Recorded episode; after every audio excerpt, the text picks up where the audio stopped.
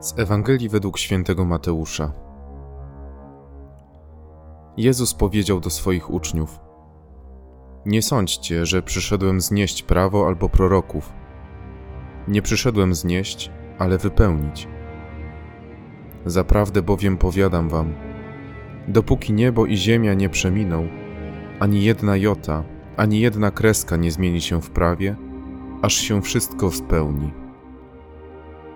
Ktokolwiek więc zniósłby jedno z tych przykazań, choćby najmniejszych, i uczyłby tak ludzi, ten będzie najmniejszy w Królestwie Niebieskim.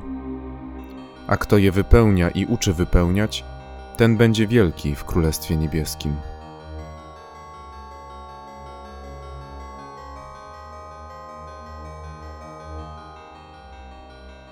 Jezus, wcielony Bóg, znów karmi swój Kościół swoim słowem, swoją nauką. Choć nie mówi dużo, zdarza się, że nawet tych kilka rozdziałów streszczających najważniejsze wydarzenia z życia Chrystusa pozostaje niezauważonych i niedocenionych. Dlaczego człowiek nie chce słuchać boskiego mistrza? Bo jest to dla nas niewygodne, choć wiemy, że to, co mówi, jest prawdą. Bardzo często chcemy układać świat po swojemu, według własnego zamysłu. Nie tylko mieszkanie, krzewy w ogrodzie, ale także ludzi, którzy są obok nas. Wiele mamy racji, przekonań. Pewnie słyszeliśmy to powiedzenie: ile osób, tyle ekspertów. Tak też nieraz jest w kwestii Ewangelii, którą poddajemy pod władzę owego przysłowia. Ile razy wyrażamy swoje zdanie, że to czy tamto powinno być inaczej, że Pan Jezus powinien zrobić to w taki, a nie w inny sposób. Ale jeśli się przy tym zatrzymamy, to zobaczymy, że takie skostnienie myślenia wcale nie jest Chrystusowe. Chrystus nie taki dał nam przykład.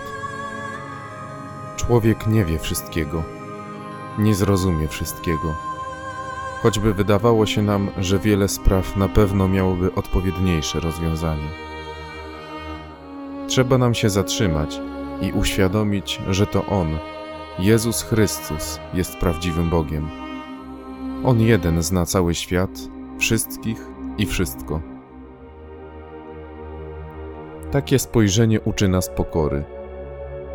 Takiej pokory w patrzeniu na świat otaczający nie mieli ludzie, którzy myśleli, że Zbawiciel zmieni tylko sytuację polityczną Izraela, który był pod okupacją rzymską. Tymczasem Jezus wypełnił prawo i proroków i objawia jeszcze doskonalej prawo miłości, które gdzieś w dziejach ludzkości zatonęło w mnóstwie nakazów ludu izraelskiego. Jak to, co wybrzmiało dotychczas, przekłada się na dzisiejsze realia Kościoła?